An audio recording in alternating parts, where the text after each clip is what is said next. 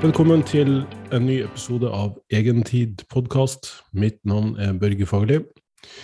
Og i dag skal det som vanlig bli en, en god miks av eh, litt sånn filosofiske betraktninger og um, litt sånn treningsteori. Jeg har jo, som dere sikkert hører, blitt litt uh, friskere enn jeg har vært sist. Det har vært en heftig periode med forkjølelse fulgt av bihulebetennelse, fulgt av en ny forkjølelse, som jo da er bieffekten av å ha en fireåring i barnehage på den verste tida av året. Men det slår meg egentlig også litt at jeg har òg mange kunder som, som, sliter med det samme. Ikke bare at de blir forkjøla, men at forkjølelsen varer mye lengre. Eh, og det her blir jo selvfølgelig bare en ren teori, men eh, mulig, altså, ganske sannsynlig teori også. At nå har vi levd såpass skjerma med så mye tiltak og restriksjoner og spriting og hygiene at immunforsvaret vårt er vel sannsynligvis bare litt ute av trening. Dvs. Si det er ikke like, um, like bra på å bekjempe uh, virus som det har vært. At vi har litt, litt dårligere motstandsdyktighet. Um, det kan i hvert fall virke sånn. Jeg har jo normalt sett kanskje vært syk én eller to ganger i løpet av et år, og har vel aldri i hele mitt liv hatt bihulebetennelse. Så det, det, var egentlig bare litt sånn interessant, da, får, får man si, at uh, det ble såpass langvarig denne gangen. Eh, det var ei venninne som sa til meg at ja, men Børge, du som er sånn helseguru, hvordan, hvordan kan du være så lenge syk? Det høres jo helt snålt ut. Og det traff jo midt i mitt imposter syndrom. Ja, hvordan kan jeg som er så flink og dyktig og um, kan så mye om helsa, være, bli syk for det første og være syk så lenge? Jeg tror bare at uh, det er ikke alt vi kan gjøre noe med, rett og slett. Jeg har jo tatt så godt vare på meg sjøl som jeg kan, men uh, allikevel så tok viruset meg denne gangen, og jeg måtte uh, ja, gå ganske lenge før jeg begynte å bli frisk. Muligens også fordi jeg var litt utålmodig oppi det og tok meg ei treningsøkt her og der når jeg ikke burde det. Kanskje hadde vært bedre å ta seg en ekstra fridag. Jeg gjeninnførte litt sånn kalde dusjer og sånn før kroppen egentlig var klar for det, og ja, måtte ta straffen for det. Og med det skal jeg kanskje innlede det første, første temaet. Um, det er et tvega sverd, det å være drevet av at man skal være eksepsjonell, at man skal være flink, man skal være god. Um, og en, uh, en, coach som jeg liker veldig godt, Steve Chandler, han har skrevet mange gode bøker for de som er interessert i litt, litt lesing. han sier faktisk ha en gjennomsnittlig dag når han uh, møter folk, eller skal si farvel til folk. Og det er jo litt uh, merkelig, kan du si, for er ikke ideen at du skal ha en god dag, eller til og med en eksepsjonell dag? Det grunnlaget bak her er, ja, stikker ganske dypt. dypt. Det er en som heter Lyndon Duke, og han har studert noe som ble kalt selvmordets lingvistikk. Han har tatt en doktorgrad fra to separate universiteter, og Duke hadde da begynt å analysere selvmordsnotater for å se etter språklige ledetråder som kunne brukes til å forutsi og forhindre selvmordsatferd hos tenåringer. Høres litt sånn mørkt og, og trist ut, her. Men, eh, men bare eh, heng med, så, så, vil du forstå det etter hvert. I sin forskning så kom han over arbeidet til en som heter dr. Abraham Lowe. En som levde samtidig som Jung og Adler og hadde utvikla sin noe kontroversielle form for psykoterapi på 30-tallet. Lowe jobber sammen med pasientene sine for å lære dem å erkjenne at uansett hvilke unike ferdigheter eller talenter de måtte ha, så var de i all hovedsak mennesker akkurat som alle andre, som måtte forholde seg til de samme problemene på den beste måten de visste.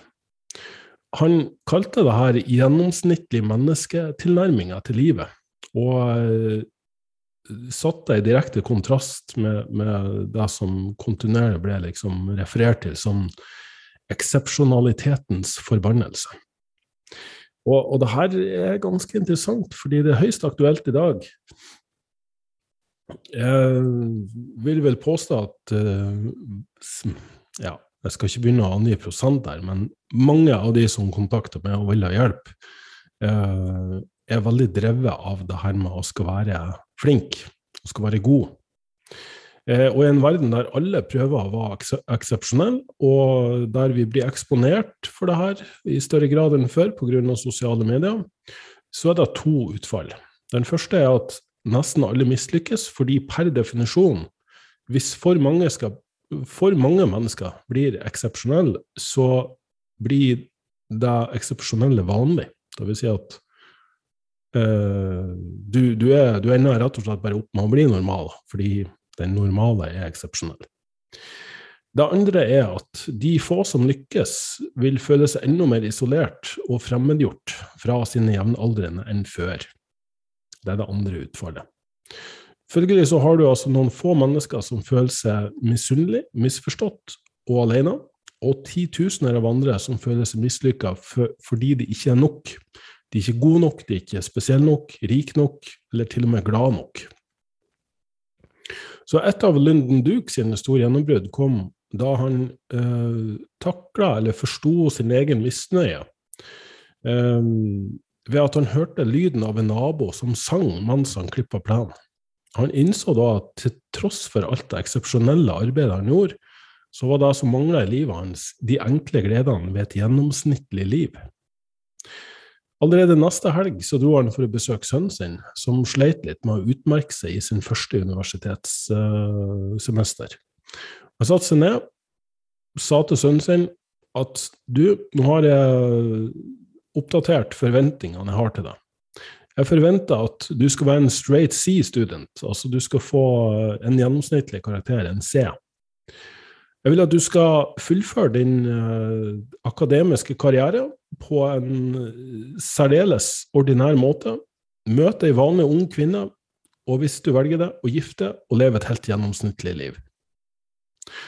Jeg trodde jo selvfølgelig at faren uh, hadde tørna fullstendig, men um, det tok jo av det presset han hadde på seg sjøl for å være eksepsjonell. Fordi han tross alt hadde en far som hadde oppnådd såpass mye stort, så var det en ganske sånn eh, høy terskel å, å, å, komme seg over. Og En måned senere så ringte han faren for å be om unnskyldning. Han hadde fått straight A's, altså han hadde fått A på alle eksamenene sine. Men at det forhåpentligvis var greit, fordi han hadde bare studert eh, sånn, sånn, passe mye.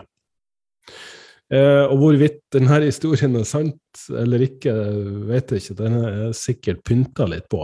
Men eh, det er jo noe med det paradoksale i at ved å bare være ordinær, dvs. Si ved å um, akseptere at du er gjennomsnittlig, så vil oppmerksomheten din flyttes til andre faktorer, til andre ting. Altså den, den kumulative effekten bruker jeg et litt sånn vanskelig uttrykk her, men eh, den akkumulerte effekten, den oppsamla effekten, klarer ikke å komme på noe bedre norsk ord her, av en serie med gjennomsnittlige dager brukt på å gjøre en gjennomsnittlig mengde av det du elsker eller ønsker å gjøre, kan faktisk ende opp med å bli ganske så ekstraordinært. Og når jeg leste det her sjøl, så, så, slo det meg litt at jeg har jo kommet opp med f.eks. en treningsmetode da, som jeg er kjent internasjonalt for, som heter myoreps, og som kanskje mange av dere som lytter på det her, eh, har hørt om. Eh, den har jo spredd seg over hele verden. Du kan gå på YouTube og søke på Myoreps, og det snakkes om i de aller fleste land. Den er innbakt i studier på universitetsnivå, eh, helt borte i Australia, sist jeg hørte om det. Eh, og det interessante er at jeg hadde ikke begreper om at det skulle ta sånn av, at det skulle bli en sånn greie. At Miorep skulle bli et et kjent begrep internasjonalt når jeg holdt på med det. Jeg hadde mine fascinerende og interessante diskusjoner med en svenske forsker ved navn Mathias Wernbom og en par andre høyst respekterte folk innom bransjen, der vi bare sparra og kasta ball på det som var gjort av forskning, og de resultatene Wernbom hadde sett, både ved sin egen forskning og upubliserte data. Jeg var glødende nysgjerrig på hvordan man kunne bruke denne forskninga og omsette det i praksis. Hvordan kunne det brukes? Og eh, etter min mening hadde det blitt relativt enkelt. Altså, et sett du trener nær utmattelsespunktet, og så legger du inn korte pauser, og så forlenger du settet med å ta korte serier på tre til fem repetisjoner. Eh, og så er du ferdig. Eh, og, og, det er interessante Jeg skal komme litt tilbake til det senere i podkasten, men det er jo mye moderne forskning som bekrefter at det her mekanistisk sett, teoretisk sett, eh, har en veldig god effekt. Og det er også heldigvis da kommet noen gode studier som demonstrerer at det, det faktisk har en såpass god effekt som det er observert at det, at det gjorde eh, hos uh, folk jeg jobber med og trente. Um, så, så, igjen, mannen som holdt på med det her, så, så var det bare tidsfordriv. Det var en hobby, det var en interesse. Det var ikke noe jeg gjorde for å demonstrere for verden at jeg var flink eller smart, eller at uh, det her skulle bli noe sånn her uh, groundbreaking greie. Det var uh, rett og slett bare Det var bare gøy mens det sto på. Selvfølgelig kunne jeg ligge våken noen netter, og det var, ting som plaga meg, og så måtte jeg finne ut av det, og så måtte jeg lese flere studier, og så fant jeg mye motstridende informasjon. Men det var likevel viktig nok til at jeg ønska å holde på med det. Uh, og, og, her er en sånn helt fundamental greie jeg pleier å kartlegge med folk, og som jeg også snakker om mye i denne podkasten. Hvor mye tid bruker du på det du ønsker å gjøre, og hvor mye tid bruker du på det du føler at du må gjøre? Vil gjerne reflektere litt over det, og begynne å sortere og um, ja, få litt oversikt over hvor, hvor går energien din. Det er ikke dermed sagt at man bare kan holde på med ting som man syns er gøy, og, og, som man elsker å holde på med. Det er mulig. Jeg kjenner folk som gjør det, og de har lykkes, de har kommet veldig langt. Um, men det kan hende at du bare kan ha en vanlig jobb som er sånn helt akkurat passe. Uh, verken noe du elsker å gjøre, eller, eller noe du bare føler du må gjøre. Uh, altså Det trenger ikke å ta altfor mye krefter eller energi. Men det kan fasilitere muligheten du har til å holde på med det du ønsker. Det vil si å ha en, en hyggelig hobby, eller ja, bra folk rundt seg også. Så da kan jeg i stor grad kompensere for det. Jeg er nok litt ferdig med den der illusjonen om at, eller fantasien om at vi, vi, er Vi har en sånn ultimat mening med livet. Jeg har en mening med livet. Jeg skal gjøre én ting. Jeg, har, eh, jeg, skal, jeg, skal, gå inn i historien som en sånn eh, ja, historisk skikkelse som alle husker for mye å reps. På ingen måte. Jeg nesten kaster opp i munnen min når jeg sier det her. Og, og, jeg tror det å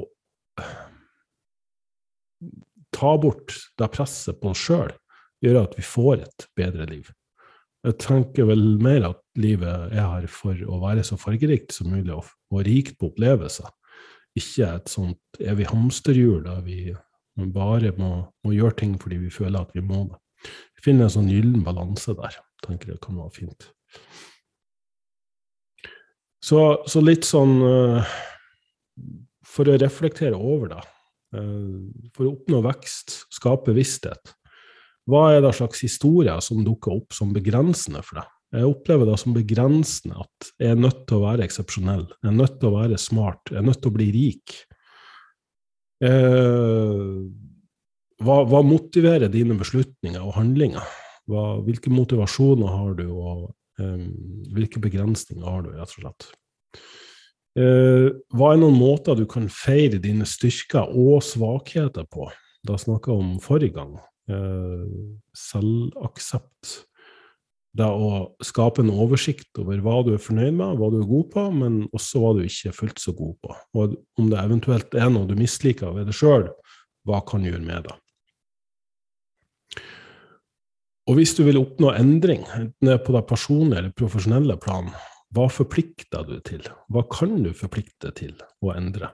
Hva kan du lære deg? Hvordan kan du vokse og utvikle det? Hva, hva er det første skrittet du tar i dag for din egen tid? For å bli bedre på å håndtere stress, øh, frykt, øh, hvordan kan du blomstre, hvordan kan du trives? Hvordan kan du bygge ditt indre game for å på den måten briljere i ditt ytre game? Prøv å balansere fokuset på det som foregår på innsida, med det som foregår på utsida. Hvis du bare fokuserer på det ene, eh, litt sånn satt på spiss med hvis du bare sitter og mediterer hele dagen og, og sniffer røkelse og hører på pling-plong-musikk, så, så, tror jeg du, du mister utsida di. Altså, jeg, jeg, tror du trenger jording, for å si det på den måten. Og hvis du bare er fokusert på det eksterne, det ytre, utseende, rikdom, status, eh, så ender du nok sannsynligvis opp i en litt dårlig sirkel da også.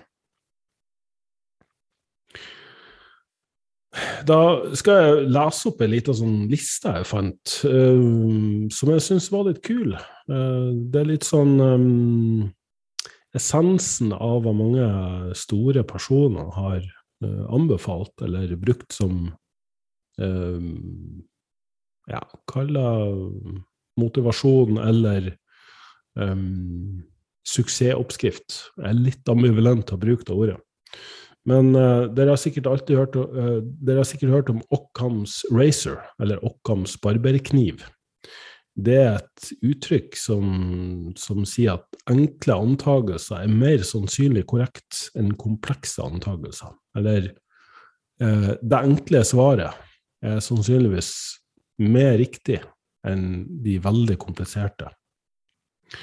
Og så er det da med å unngå den klassiske feilen som er si, utleda fra Occams barberkniv, og det å, å nærme seg et problem med et latterlig stort antall antagelser vil som regel ikke gjøre at du klarer å løse det problemet spesielt bra.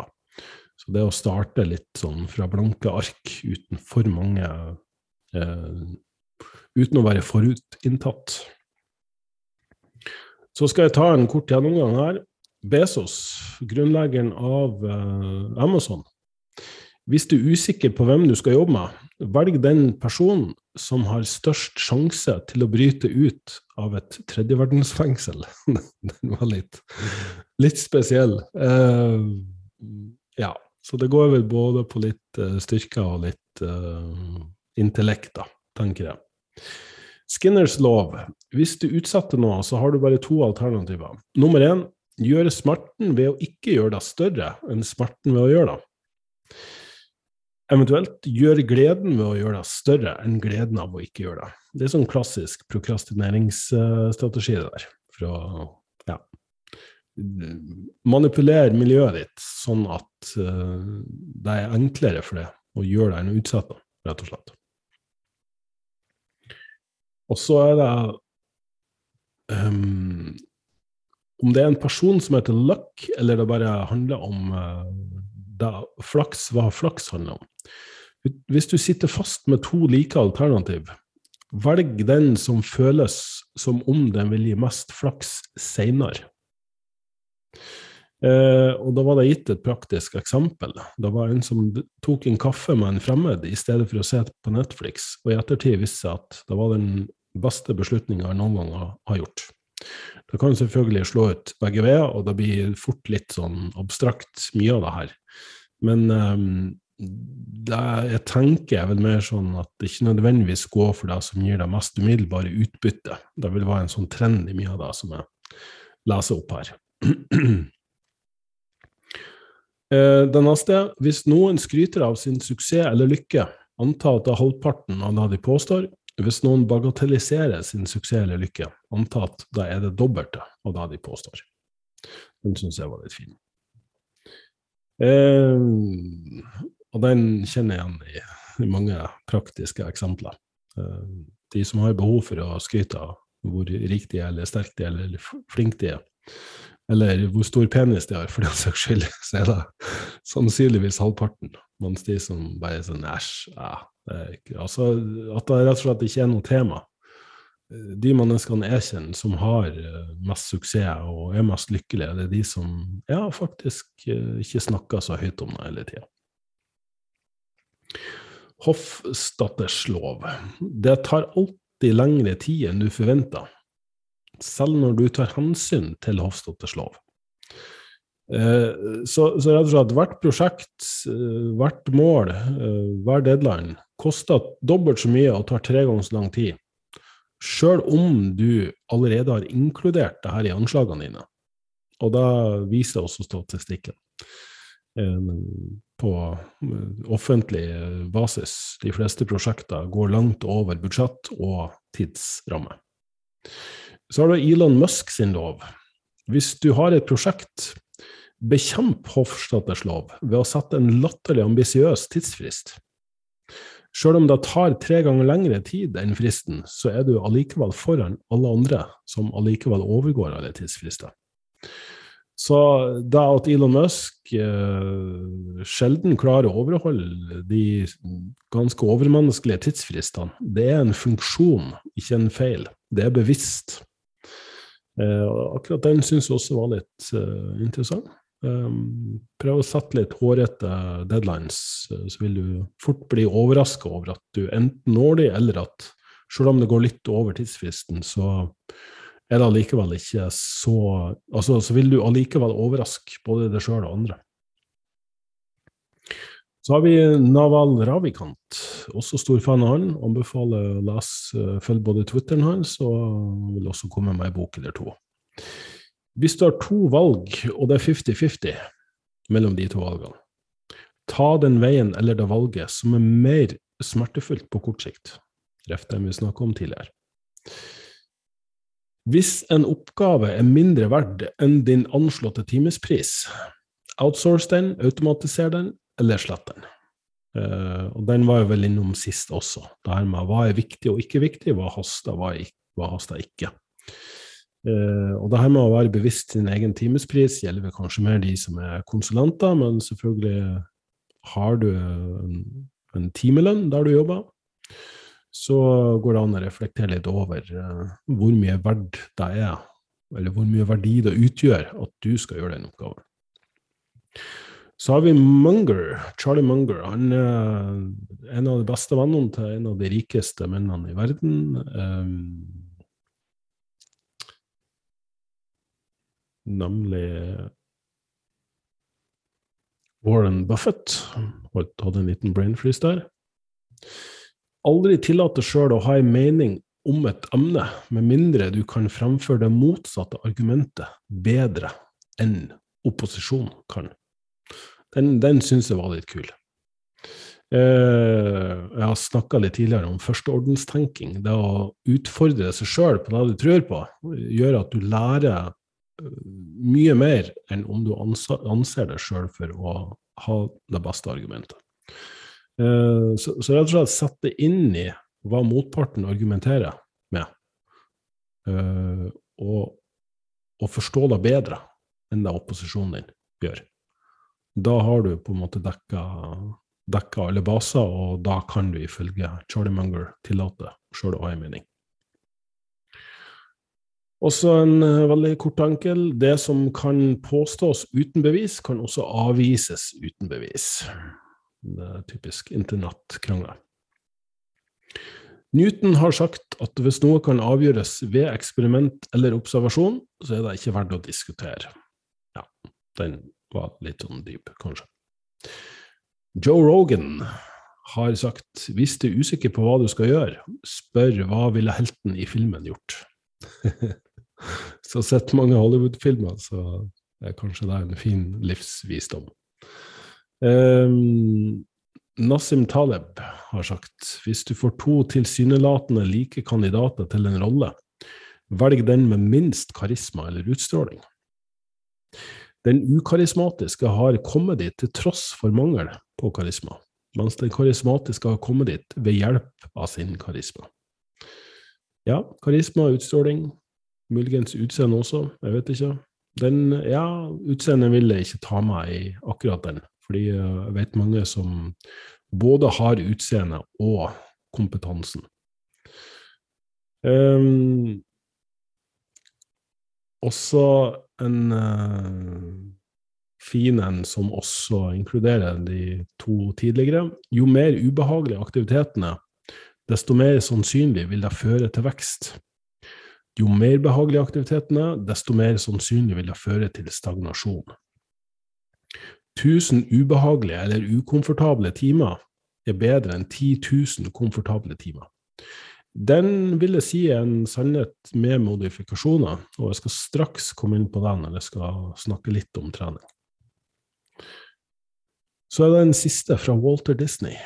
Hvis du sliter med å tenke klart om et emne, tegn det. Han var veldig kjent for noen ganske omfattende sånn mindmaps. Um, anbefaler deg å søke opp Walt Disney og drawings så vil de se hvordan han har eh, tegna opp noen ganske sånn komplekse handlinger til mange av de tidligere filmene hans. Og vi vet jo alle i historien til Walter Disney. Ja, da var det en sånn kall grei oppramsing av noen veldig sånn fine filosofiske betraktninger eh, som jeg håper inspirerer dem. Da skal jeg gå løs på en litt mer praktisk del, og det blir igjen eh, litt sånn eh, fremsnakking av en som heter Chris Beardsley. Eh, skrev kan, kanskje litt teknisk komplisert innimellom, men eh, for nerder som er, så er jo det midt i blinken. Uh, det jeg vil fremsnakke mest av alt, det har for så vidt også vært innom det på tidligere podkaster, er hvordan han har begynt å definere og øke vår forståelse av utmattelse. Og et uh, ganske så greit paradigmeskifte, i hvert fall for de som er ute etter uh, atletisk prestasjon i form av styrke, muskelmasse, eksplosivitet. Det er at utmattelse er ikke en faktor som gjør det bedre. Utmattelse er en faktor som hemmer at du blir bedre. Eh, rett og slett hvis du jager etter utmattelse, så fører det mer til utholdenhetstilpasninger. Så er du ute etter å kunne løpe lenge og fort, øh, over en lengre distanse, så er utmattelse veldig fint. Da vil vi på mange måter maksimere utmattelsen. Øh, ikke ta det bokstavelig, altså ikke maksimere i den forstand at du skal løpe så fort du kan, men da vi ser at mengde, volum, akkumulerte timer på en, en, et visst minimum av hastighet, men under terskel, er gjentagende tema i de som blir best i, i langdistanse. Du må rett og slett bare løpe langt, sykle langt, svømme langt. Men når det gjelder styrke, muskelbygging og eksplosivitet, så er det faktisk sånn at det å akkumulere utmattelse gjør at du får dårligere utbytte av treninga. Og det her kunne jeg sikkert ha utbrodert i det vide og brede, men uh, dere som lytter på, er sikkert ikke like nerd som meg.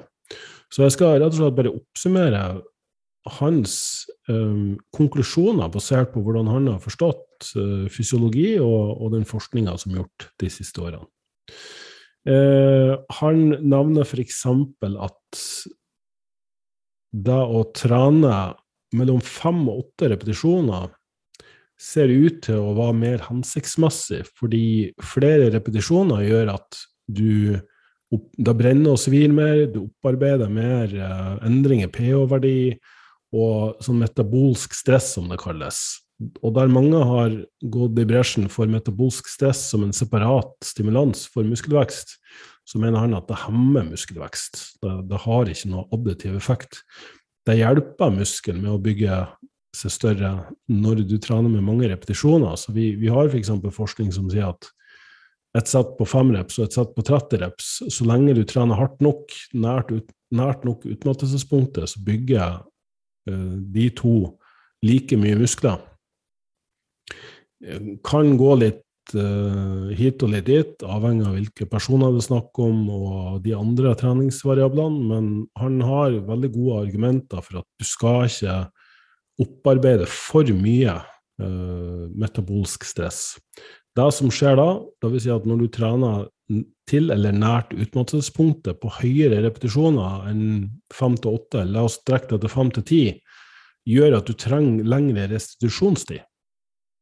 Og det begrenser òg hvor mye total treningsmengde du kan, altså hvor, hvor mye trening du kan utføre. Eh, så, så, du kan si rent fysiologisk sett så er tre sett fem reps Eller si det sånn, da. Fire sett fem reps, 20 totale repetisjoner, med tung nok vekt til at du akkurat klarer de fire settene fem repetisjoner, er mer effektivt enn to sett ti reps, selv om det er like mange totale repetisjoner, eh, fordi du kan trene med en høyere mengde, og du vil restituere det like hurtig fra de to øktene. Fordi ti reps krever litt, litt, mer restitusjon, rett og slett. Hvorvidt det her blir sånn i praksis, skal jeg ikke si helt bastant, men um, det er i hvert fall et interessant perspektiv på det. Og det han også argumenterer for, er at så framt du trener like nært utmattelsespunktet, så er det de siste fem til seks repetisjonene som teller mest. Det er derfor vi kan si at et sett til 30 reps eller et sett til 5 reps er like effektivt, fordi det er fremdeles de siste 5-6 repetisjonene av det 30-repetisjonssettet som er de mest effektive. Hadde du stoppa på 25 repetisjoner av et 30-repetisjons makssett, så ville du ikke fått eh, langt på langt nær så god treningseffekt. Og det ser også ut til å stemme. Hvis du ikke trener nært nok utmattelsespunktet på lette vekter, så, så, gir de mindre muskelbyggende effekt. Du får mer pump, ja, fordi det er mye, mye eh, blod som akkumuleres, og metabolsk stress. Men det tar lengre tid å restituere seg, og, og det stimulerer ikke like mye til muskelbygging, nettopp fordi du har så mange reps i reserve. På den andre sida er det jo sånn da at de siste én til to repetisjonene, når det går veldig langsomt å utføre en repetisjon fordi du er så sliten, da eh, akkumulerer veldig mye sånn uh, utmattelse. Sånn at de i seg sjøl, de siste én til to repetisjonene, kan øke restitusjonstida mye mer enn man skulle ha forventa. Så for å gi et praktisk eksempel Tar du din tirep-maks og trener ti repetisjoner på den, så trenger du lengre tid å restituere deg enn om du hadde trent bare åtte repetisjoner. I tillegg så kan vi si at hadde du trent åtte repetisjoner, dvs. Si to reps i reserve, så kan du ta enda et sett av to reps i reserve, og totalt sett få bedre effekt. Nettopp fordi du har holdt litt tilbake. Vil si du kan få omtrent den samme muskelbyggende effekten, men du restituerer det raskere fordi du har holdt litt tilbake. Så en fin tommelfingerregel er å ha én til to reps i reserve, og det kan selvfølgelig i praksis være vanskelig å, å få til, da. Men eh, kanskje den enda mer interessante konklusjonen er at da å trene, absolutt, da å trene så hardt som overhodet mulig har kostnader som sannsynligvis ikke veier opp for Eh, konsekvensen av det. Det vil si at du trenger mer restitusjon for å kunne trene såpass hardt. Og I tillegg så er det sånn fordi vi har en hjerne som sender nerveimpulser til muskulaturen og gjør at du klarer å løfte i vekt, så er det faktisk mange mekanismer på plass her som tilsier at hvis du er umotivert, hvis du misliker øvelsen, hvis du misliker treningsøkta, så får du dårligere signal. Vil si at du får ikke like bra utbytte av trening som du misliker.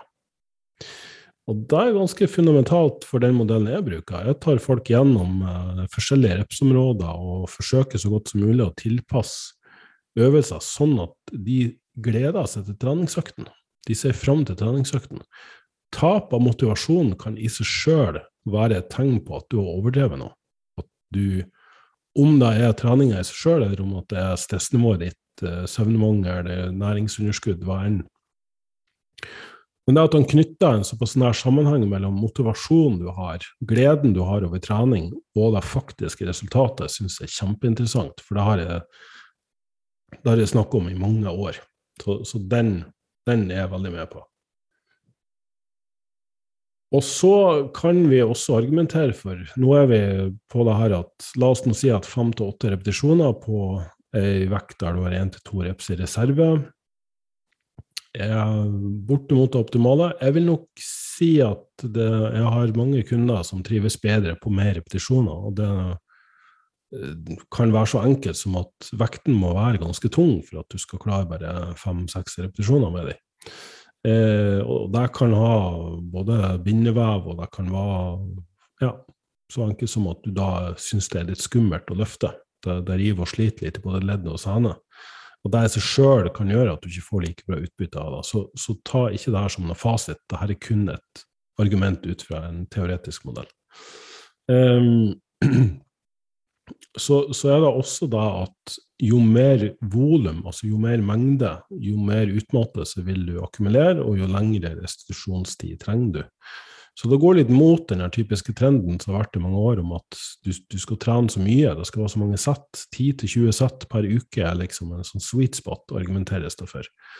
Min erfaring tilsier at det er mye lavere, uh, men det som også er Chris Beardsleys oppfatning, er at ved å starte lavere og sørge for at du trener effektivt, så vil du kunne restituere det raskere, det er det ene, men da har du også litt å gå på. Det vil si at hvis, la oss nå si ett eller to sett da, som du trener effektivt med et program du liker, eh, og du er godt restituert og passer på at du spiser bra og sover bra og alt det der, fremdeles ikke gir økninger, så kan du øke. For økning i treningsmengde kan i seg sjøl være nok til å stimulere til ny uh, muskelvekst og økning.